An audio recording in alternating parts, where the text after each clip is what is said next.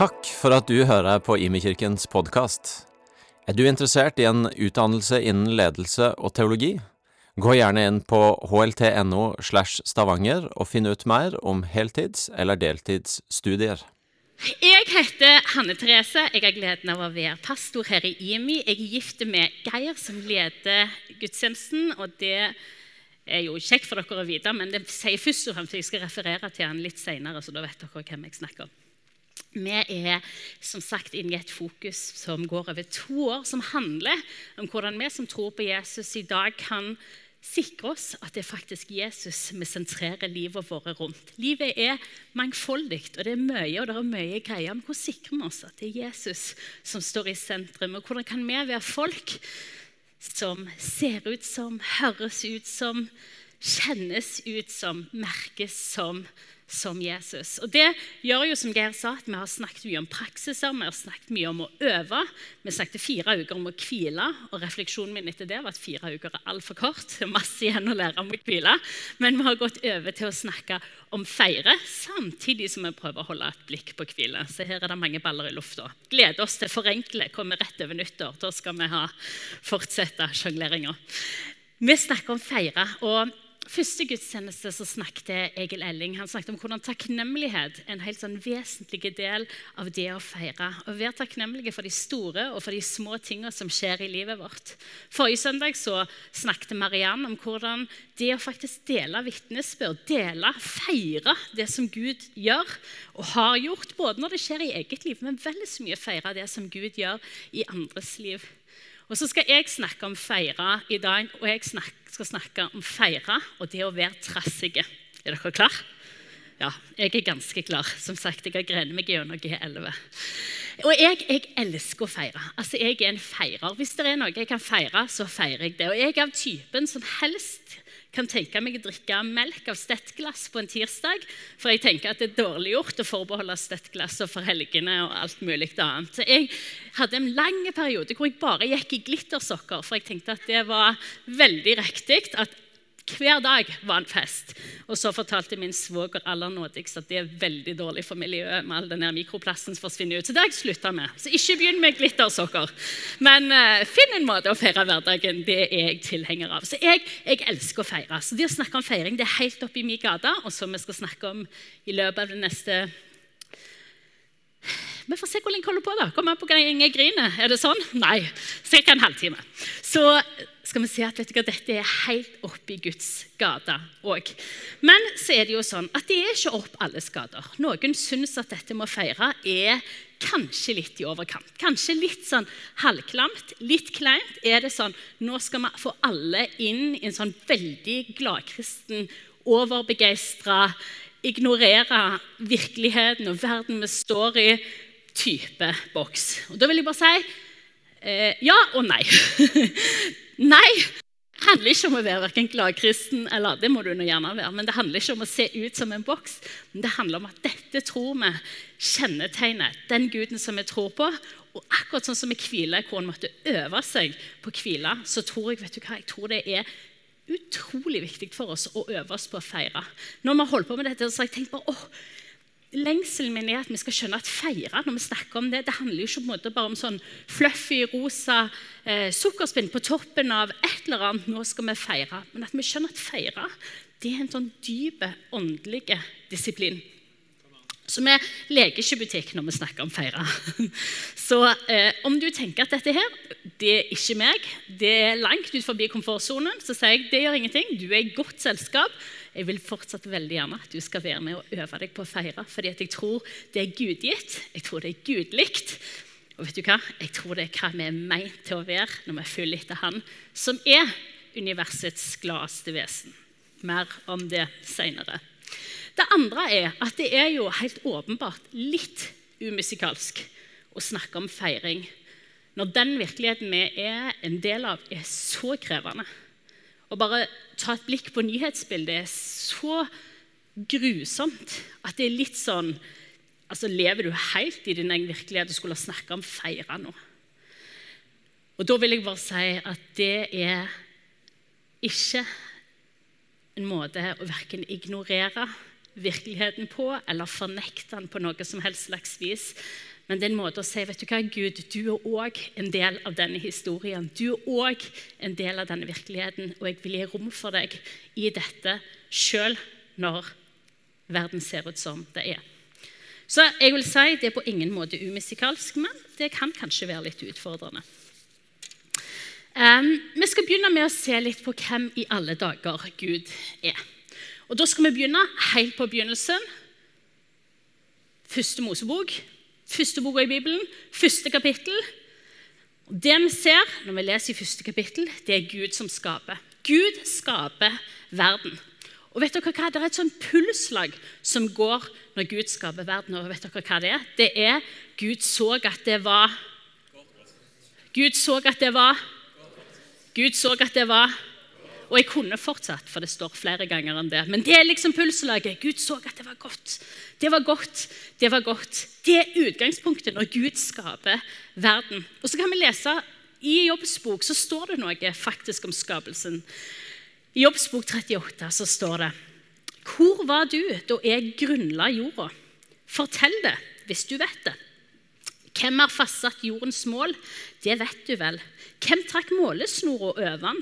Hvor ble jordas pilarer slått ned, og hvem la hjørnesteinen?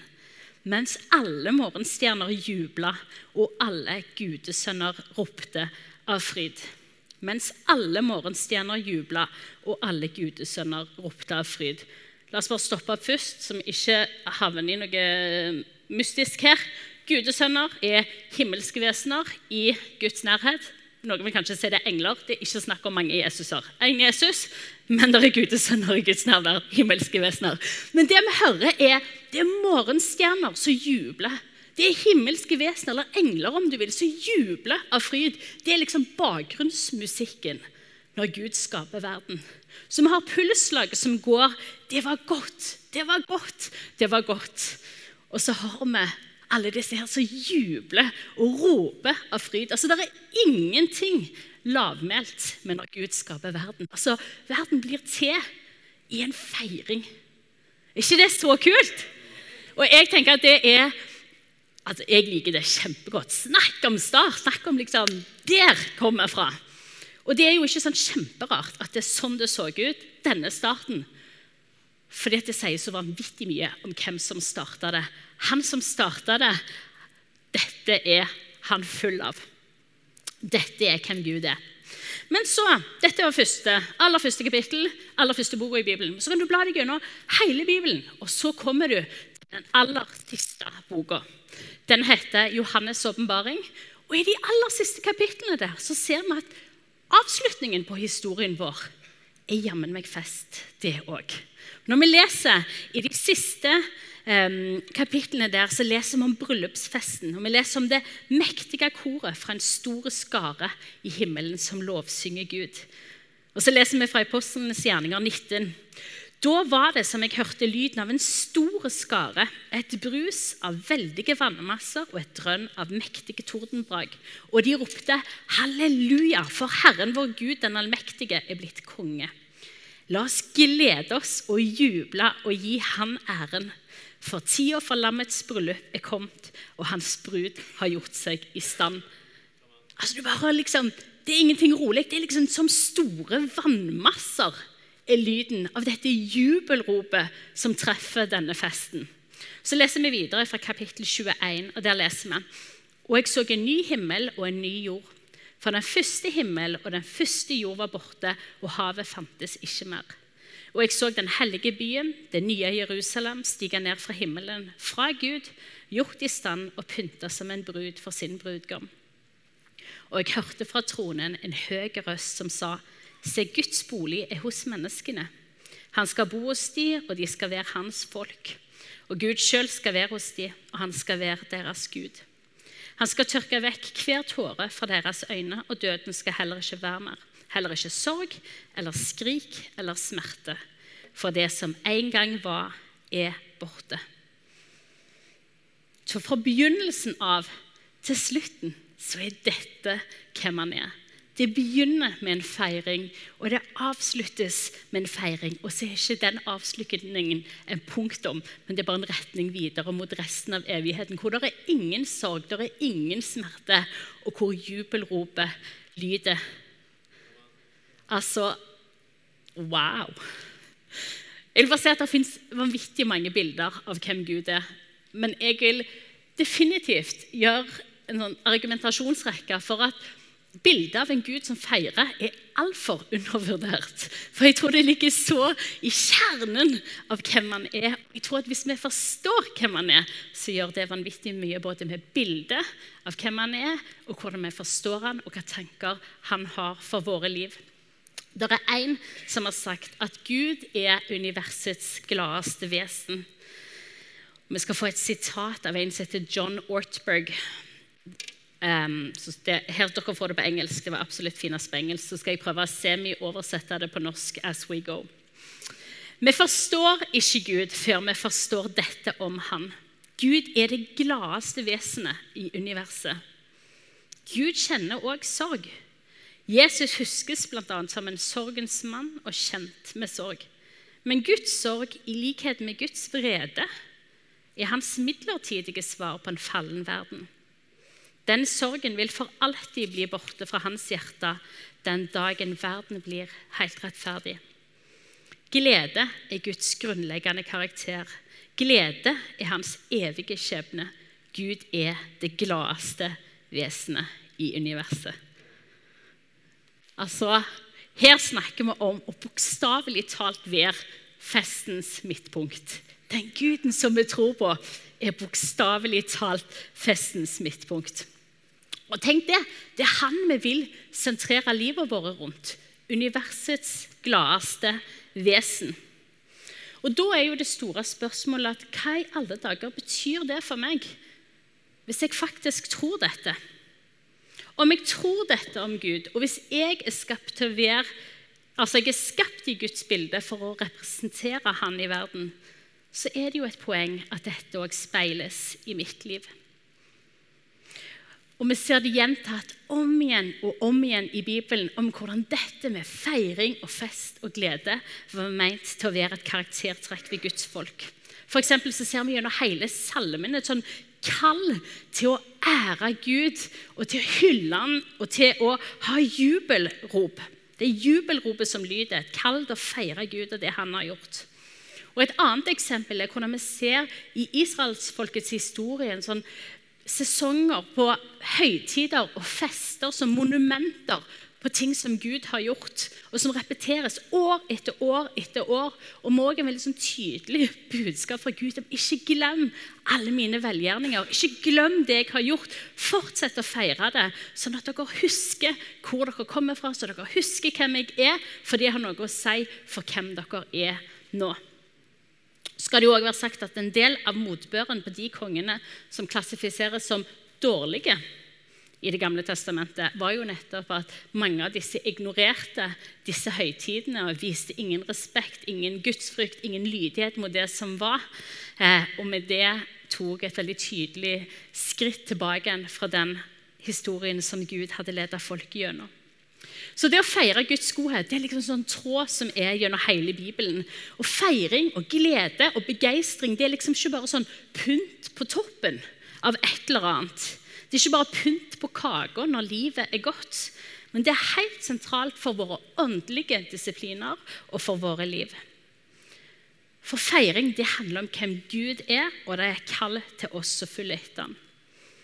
For Når vi ser hva Gud har gjort, så feirer vi det nesten som et sånn Jeg ser for meg nesten som et sånn skilt, sånn, sånn skikkelig sånn tydelig skilt på at her er Guds rike nær. Folkens, her er Gud! Når vi feirer hvem han er, og hva han har gjort. Og jeg tror denne gleden, en, som sagt, denne begeistringen og denne feiringen det var ment til å være et karaktertrekk for oss fordi vi er skapt i Guds bilde, fordi vi tar på alvor det han har gjort for oss. Men jeg tror òg det er meint til å være en del av våre liv fordi det gjør oss motstandsdyktige. I vår kultur er det vanvittig lett å kjenne på likegyldighet, på å kjenne på apati, å kjenne på kynisme, kanskje motløshet. Altså Nyhetene de, de flommer over på metaplan over tragedier. Det er krig, det er sult, det er katastrofer, det er klimakrise, det er økonomisk krise, det er fattigdom, det er ensomhet. Og vi vet alle at det er en helt reell del av den verden vi er en del av. Og så ser vi at Det er ikke bare på metaplan, det er sånn, men det treffer oss òg personlig. Liv som ikke ble sånn som de skulle bli. Ekteskap som ikke ble som de skulle bli. Jobbhverdager som ble helt annerledes enn det en hadde sett for seg helseutfordringer, relasjonelle utfordringer, sorg, død, bønnesvar som uteblei, kirkefolk som såra deg, pastorer som ikke innfridde. Altså, En kan bli både motløse og likegyldige og kyniske og apatiske av mindre. Men jeg skal være så tydelig og si at jeg tror den motløsheten og jeg tror den kynismen jeg tror den kveler jeg tror den ødelegger hjertene våre. Jeg tror han stjeler håpet vårt. Så tror jeg han parkerer oss et sted der vi ikke lenger klarer å ta inn over oss den gleden som de gode nyhetene fra Gud faktisk har gitt oss. Det er en som har sagt det sånn at det skaper en landeplage av manglende forventning, hvor vi begynner å tro at det er alt det er. All denne tragedien, alt dette her som er helt reelt, dette er alt det. En landeplage av manglende forventning. Eh, som en del av rytmen for oss som er i staben, så er det sånn at hvert semester så legger vi inn noen dager hvor vi reiser vekk alene. Hver for oss pleier ofte å gjøre når en er alene. Hvor en bruker tid i bønn og faste og søker Gud for det semesteret som ligger foran.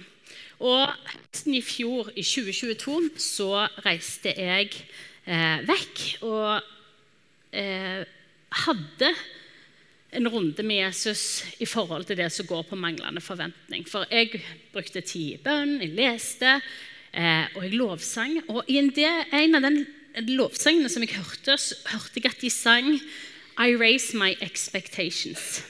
Jeg på en måte løfter mine forventninger. Og Jeg er ganske sånn analytisk skrudd sammen. og Jeg tenkte nei, jeg vet ikke helt, det, Jesus. Jeg hører hva du sier. Jeg løfter mine forventninger. Nei, det, Dette er i fare for å bli litt sånn teologi som jeg ikke tror helt på. Er det ikke det? Litt sånn på kanten til litt sånn herlighetsteologi. Er det det? Og så går vi litt sånn runder på det, og så plutselig så setter det seg i magen. Og så tenker jeg nei, jeg mangler forventning til deg, Gud. Jeg opplever at Gud nesten sånn sier til meg vet du hva? Andrese, du tror på meg. Du vet at jeg elsker deg. Du vet at jeg kan alt det jeg kan, og at jeg vil. Men det er akkurat som du ikke har forventninger til meg lenger. Og det traff meg altså sånn i magen, for jeg tenkte, vet du hva? Jesus, du har jo helt rett. Jeg tror jo på deg. Virkelig, jeg tror jo på deg.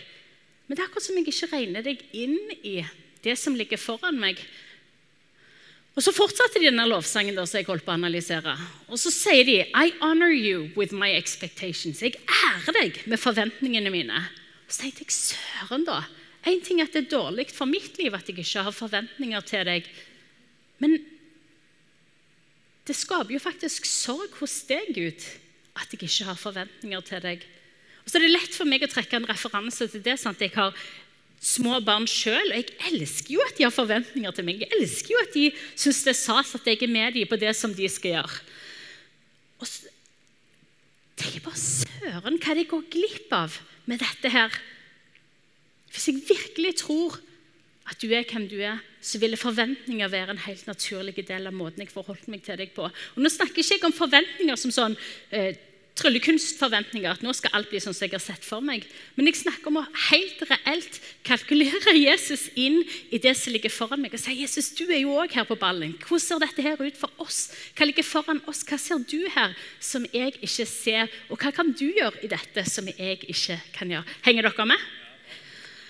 Og meg og Jesus rydda i dette. Han er utrolig raus sånn sett. Han er ikke vanskelig å be. Vi rydda i dette. Jeg sa unnskyld. Det er en god ting å kunne lære seg. Jeg sa unnskyld, og så gikk jeg eh, og satte meg for å fortsette å lese i den boka som jeg holdt på å lese. Tror du ikke at når jeg kommer til denne her boka, så leser jeg et kapittel som i essens sier dette? Feiring er gudgitt trass i en kultur hvor tvil er overalt. feiring er gudgitt trass i en kultur hvor tvil er overalt.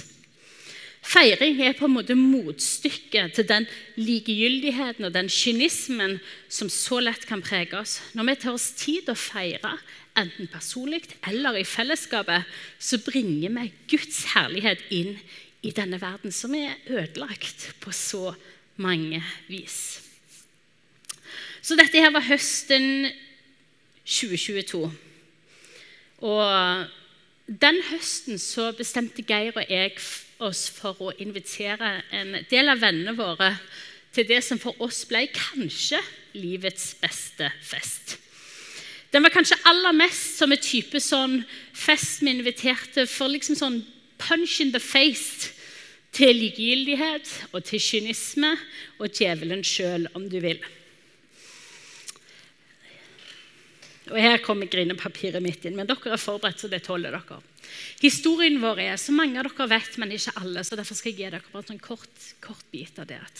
Eh, høsten 2019 så mista Geir og jeg et barn. Emanuel Håp. Han var to dager over termin i magen min, og så var det ikke hjertelyd lenger. Og det tok for oss oss inn i det mørkeste mørket. Det vondest vi noensinne har opplevd. Men i det mørkeste mørket så opplevde vi så tydelig at Gud er akkurat den han sa han var. Immanuel, det betyr Gud med oss. Og det var det vi erfarte.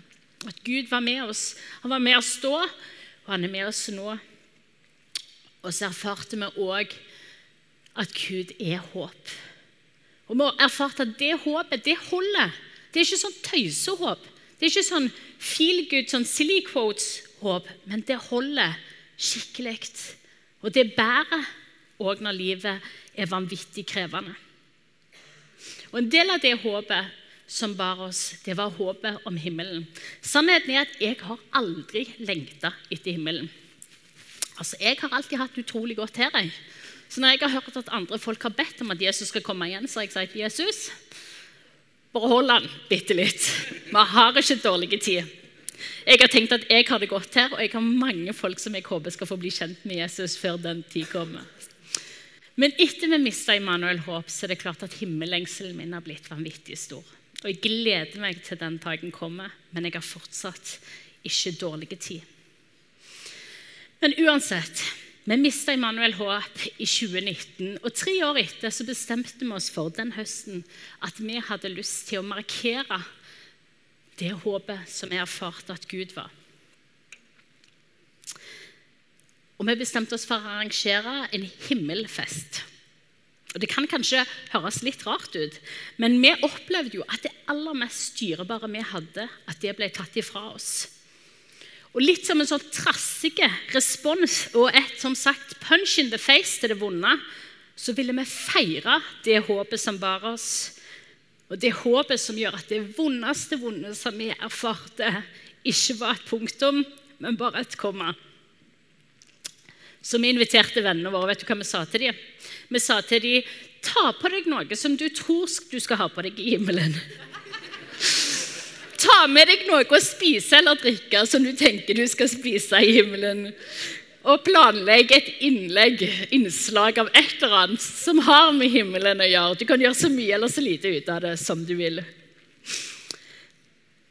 Altså, vi planla jo, og vi forberedte så godt vi kunne. Men hva folk gjorde den festen der til å gjøre Altså Folk de kom trekkende i festkjoler og fotballklær og hawaiiskjorter og englevinger. Men ingen kom nakne, for det hadde vi sagt ikke var lov. Og den kvelden den romma alt ifra eh, shanty til en sånn quiz en kahoot om alt det der absurde som står i Johannes' åpenbaring. Det var egenkomponerte sanger, det var Hakuna Matata, og det var eh, ei som lagde sånn kjemisk eksperiment og lagde en sky. Det var mikropoesi, og så var det òg en herlig knall som hadde kjøpt seg ei blokkfløyte og halvveis lært seg Gabriels obo. Og Vi lo den kvelden, og vi grein den kvelden. Og av alt som skjedde i det Herrens år 2022, så var dette definitivt det desiderte høydepunktet det året. Jeg vil bare si at Det samme året som jeg kjøpte det huset som jeg nå bor i, som jeg er så vanvittig takknemlig for, men denne festen det var det desiderte høydepunktet vårt. For midt i det som var det verste, verste, så kunne vi feire. Og De to der de går faktisk vanvittig godt i sammen. Så det å feire det kan være krevende. Livet er gjerne ikke godt akkurat nå. Og hva feirer egentlig jeg? Dere har hørt oss snakke om Bible Project tidligere. og De har lagd en nydelig liten um, film i forhold til hva Bibelen sier om glede. Jeg vil virkelig oppfordre deg til å høre den i, eller se den i sin helhet. Men der står det um, om glede. En holdning Guds folk inntar, ikke pga. lykkelige omstendigheter, men pga. deres håp til Guds kjærlighet og løfte. Gleden til Guds folk bestemmes ikke av deres kamper og slit, men av deres framtidige skjebne. De første kristne de var kjent for å være glade, selv om ikke omgivelsene nødvendigvis talte for. Og det var aktive valg for dem. Og jeg tror kanskje at det er sånn at Når du tror at Jesus har vunnet over døden, så gir på en måte glede mening selv i krevende tider. Det betyr ikke at en ignorerer sin egen sorg eller sin egen smerte, men at en midt i det som er vondt, husker på hvem sin en er, og at dette ikke er det endelige punktummet. Så to grunner til feiring. Å feire det er vår tilbedelse. Når du feirer, så tilber du. Det er litt sånn lovprisning til Gud å feire. Først og fremst fordi han er verdig. Fordi han er Gud. For alt han har gjort, og alt hvem han er, han er verdt at vi både husker det og feirer det. Og det er en akt av takknemlighet og ærbødighet og punktum. Han er verdt det. Og så er det samtidig ikke til å komme forbi at vel så mye så skaper det endring i meg når jeg vender blikket mot, mitt mot han. Å lande i hans egentlig sånn absurde, men fullstendig objektive sannheter som aldri er relative. Jeg har gått tre år på Stavanger katedralskole, Kongsgård. Og i ehm, gangene, en av gangene der så henger det et bilde hvor det står 'Alt er relativt, og det er alltid snart eksamen'. Det har gjort inntrykk. Alt er ikke relativt. Det fins objektive sannheter. Det fins objektive sannheter som er ikke avhengige av dagsformen din, ikke avhengig av erfaringene dine, ikke avhengig av hva folk måtte mene om deg, eller stort eller smått rundt deg. Av og til så merker jeg at jeg kan bli litt sånn galen av alt som er relativt. Nå for tida holder jeg på å forske. og at jeg blir sånn, Til og med forskning kan virke relativt. For det handler jo om hva argumentrekke du legger det til. Det handler jo om hvilken teori du bruker, og hvordan det ser ut. Så liksom, det er så vanvittig mye som er relativt. Og Det er da man må stoppe opp og si men det fins noe som er fullstendig objektivt. Og Det fins sannheter som er vanvittig urokkelige. Og Disse sannhetene de er fundamentet i vår kristne tro. De er fundamentet i de grunnleggende kristne praksisene og i sakramentene som kirka vår har. Og det er Gud elsker deg. Han døde for all din ufullkommenhet og sto opp igjen for at det ikke er noe som skal kunne skille deg fra Gud. Han lever Ah, Men jeg vil bare si takk for at dere gjorde det. Det er jo faktisk ikke til å komme forbi at av og til så følger disse objektive sannhetene som står seg, uansett hva du måtte mene av dem, så er de like, fullt, like sanne. De er liksom ikke avhengig av hva du tenker. Men av og til så tenker jeg søren, da. Disse sannhetene de blir nesten litt sånn som når vi synger 'Gledens Herre'. sant? Det er en evige kjepphest på den. Fordi vi synger 'Gledens Herre, vær vår gjest, ved vår bord i dag', gjør vårt måltid til en fest etter ditt behag. Så dølt! Ingenting fest i den sangen. Og så er det det vi egentlig synger. 'Gledens Herre, vær vår gjest, ved vårt bord i dag', gjør vårt måltid til en fest. tenker jeg, Søren, da! Vi skjønner jo ikke hva vi synger for noe. Og Sånn kan det av og til være for meg med disse objektive sannhetene òg. Søren, da! Vi skjønner det jo ikke. Hadde vi virkelig skjønt hva han sier for noe, hva han har gjort Åh, hvordan det hadde forandra livet vårt. Hvordan det hadde gitt oss håp og forventning til det som ligger foran. Han døde for deg, og han sto opp igjen for deg, og han elsker deg. Uansett hva som skjer. Og På grunn av dette så feirer vi gudstjeneste hver eneste søndag. Og det er jo poenget. Vi feirer gudstjeneste. Vi gjør ikke gudstjeneste. Vi gjennomfører ikke gudstjeneste. Vi feirer gudstjeneste. Hver eneste søndag så feirer vi at Jesus døde og sto opp igjen. Jeg er vokst opp med at når vi eh, var små, så eh, hadde vi på fintklær når vi gikk i kirka. Andre som har vokst opp med det? Ja, en del. Noen er traumatisert av det, andre ikke. Jeg er i utgangspunktet ikke traumatisert av det, men så i min idealisme alt sammen, så har jeg hatt en sånn en Nei, det er poeng for meg å ikke kle meg for fint på søndagen, fordi at jeg er opptatt av at ikke ting skal være fasade. sant? At oh, nå putter jeg på meg de beste klærne, og så skal folk tenke at sånn ser det ut hele uka. For det gjør det jo ikke. Og Derfor har jeg valgt en litt sånn mer nedtona greie. Men når jeg har jobbet med dette, her, så tenker jeg søren, da. Det skulle jo bare mangle at vi kledde oss i finklær, fordi vi feirer jo at han døde og sto opp igjen. Vi burde gått i bunad på søndager. Ja, gleder meg til neste søndag. Hvor mange kommer i bunad?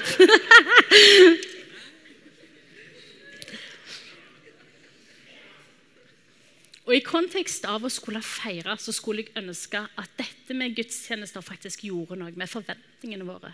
Hva forventninger vi hadde når vi kom til gudstjeneste. At vi visste at wow, vi kommer til gudstjeneste fordi at her finner jeg fellesskap, fordi her får jeg tilbe Gud. Og her får jeg igjen høre de vanvittige sannhetene om igjen og om igjen. Han døde for deg, og han sto opp igjen for deg, og han elsker deg uansett hvordan du føler det, eller uansett hvordan du har det. Jeg skulle ønske at de forventningene bare gjorde noe med oss. Nå snakker jeg ikke liksom som pastor til menighet, jeg snakker vel så mye til meg sjøl, men hvordan jeg aktivt deltar i gudstjenesten. Hvordan ser det ut? Hvilke forventninger kommer jeg med? Hvordan ser det ut i forhold til hvordan jeg plasserer meg? Jeg forventer at neste uke sitter alle på første rad. Ja, vi får. Det er ikke plass til alle på første rad. Men jeg tenker det har noe med hvilken holdning kommer jeg til gudstjenesten med. Det er ikke bare noe jeg gjennomfører, det er ikke bare bordvers jeg plystrer gjennom. Men jeg kommer fordi jeg skal feire at allmaktens Gud sendte sin sønn for å dø på et kors for mine sønder. Og så døde han ikke bare, han sto opp igjen. Og hans kjærlighet bærer gjennom alt. Alt så jøyer meg. Så vi feirer gudstjeneste, og så feirer vi nattverd. Vi feirer nattverd. Vi har akkurat gjort det. Og hver gang jeg står der og deler ut nattverd, eller tar imot nattverd, så kjenner jeg at jeg fyller ut som en sånn vanvittig ydmykhet. Jeg fylles med en sånn vanvittig ydmykhet fordi at jeg får høre til dere. Jøye meg, så heldig jeg er. Med noen vanvittig ydmykhet over Jesus, hva er det du har gjort for oss?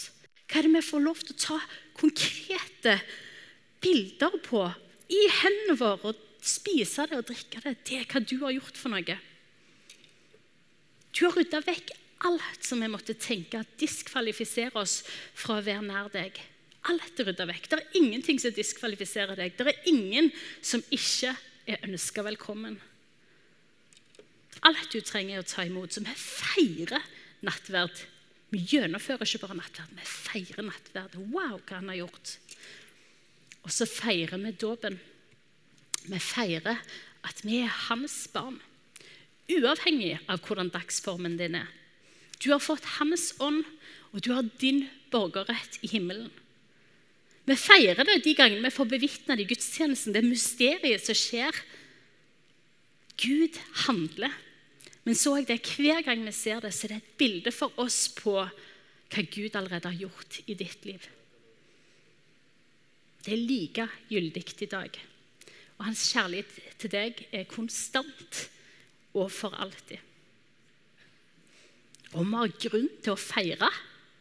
Vet du hva? Uavhengig av hvilke omgivelser vi kjenner vi står i, så finnes det objektive sannheter som er så enorme at det er klart vi har grunn til å feire.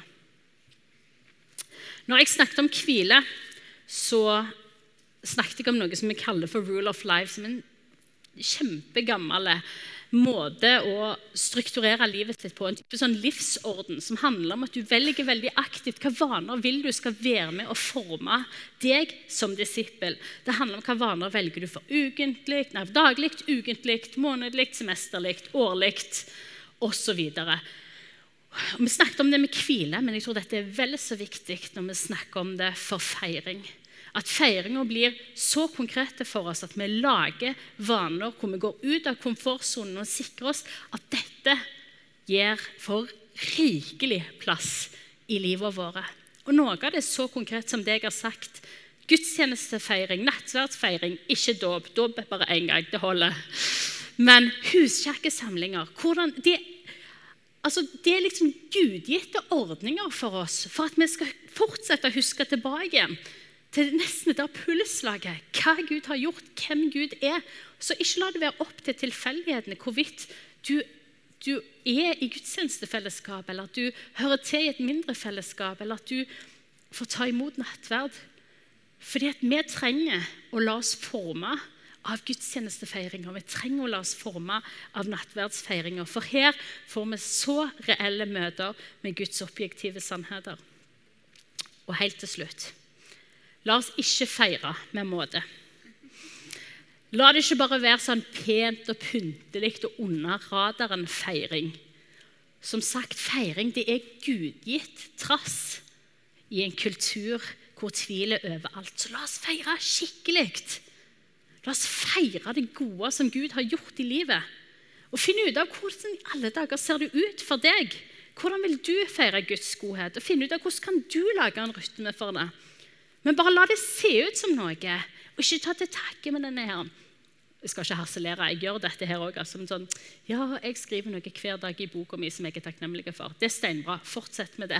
Men det er jo ingen som får vite om den feiringa der. Vi trenger feiring som gjør at Wow! Her bor Gud! Her får folk et øye på hva Gud har gjort. Her, her bevarer jeg mitt eget hjerte for håp. Men her her lar jeg folk, andre folk rundt meg få erfare det håpet. Altså, jeg tenker, La oss nå gjøre det synlig.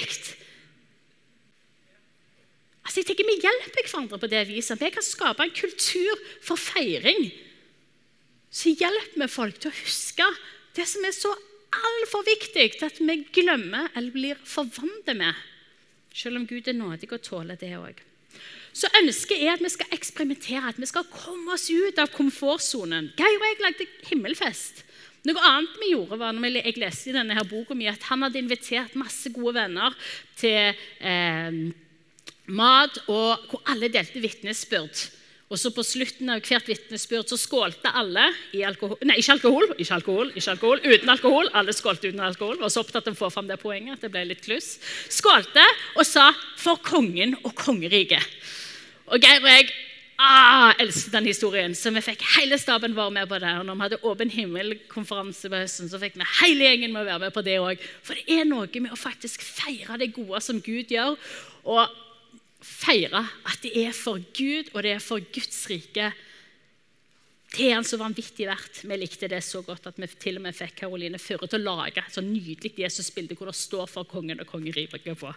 For at vi skulle stadig huske Wow, det er faktisk dette. Det handler om å finne praksiser og eksperimenter hvordan dette kan se ut. Kanskje du kan feire dåpsdagen din skikkelig. Kanskje du har en konkret dag for den dagen du tok imot Jesus. Feir det skikkelig! Altså, ikke bry deg om at det er litt sånn halvglamt. Inviter nå folk over og si i dag feirer vi denne, denne dagen. Det er så verdt å feire. Har du erfart konkrete bønnesvar eller kanskje konkrete helbredelser? Eller har du liksom erfaringer med Gud? Så feir de. Og del de. Gjør det synlig. La folk få glede seg med deg. For det gjør noe med hjertene våre og det gjør noe med perspektivet vårt. Og vi trenger det så inderlig. Vi trenger det så inderlig. Og Det siste er som Geir nevnte tidligere, som handler om denne her høsttakkefesten. Altså, inviter naboer, venner, kjente, men lag et sted hvor vi kan feire i lag. La det bli som sånn fyrtårn i nabolaget og de stedene som vi bor, At her sitter vi og så feirer vi alt det gode som Gud gjør, og som vi er takknemlige for, selv om vi vet at livet er langt ifra fullkomment. Så vender vi blikket mot han og så sier vi nei takk til likegyldighet og nei takk til at kynisme skal få råde hjertene våre. Og Så beskytter vi håpet vårt ved å feire, og vi bringer håp til folk ved å feire. Måtte vi feire ofte og mye, måtte Guds objektive sannheter få skape skikkelige forventninger i oss til det som ligger foran. Dere skal få reise dere, så skal vi be. Jesus, jeg takker deg for at du er universets gladeste vesen. Og Jesus, jeg takker deg for at hvem du er, står alltid fast. Hvem du er, urokkelig. Og for takk for at det er sannhetene som, som, du har gitt oss. Det er sannheten om hvem du er. At du elsker langt over vår fatteevne. Og du har gjort alt for at vi skal få være sammen med deg hver eneste dag og helt inn i evigheten. Og Jesus, Jeg ber om at de sannhetene skal fylle hjertene våre og skape det håpet som vi trenger. Og Jesus, Jeg ber om at vi skal være et folk som vet å feire det gode som du gjør, og det gode som du er. Og Jeg ber om at vi skal få beskytte hjertene våre for at de skal få bli så hardt utsatt for apati og motløshet og likegyldighet og kynisme, Jesus, fordi vi vet at det er ikke fra du. Og Jeg tenker deg for at du med din ånd vil gi oss av alt det gode som du har ber om at du skal gi oss mot til å gå ut forbi komfortsonen. At vi skal tåle at det av og til kan være litt halvklamt. Så ber jeg om at du skal vise oss hvordan feiring får være med å forandre våre liv. Amen.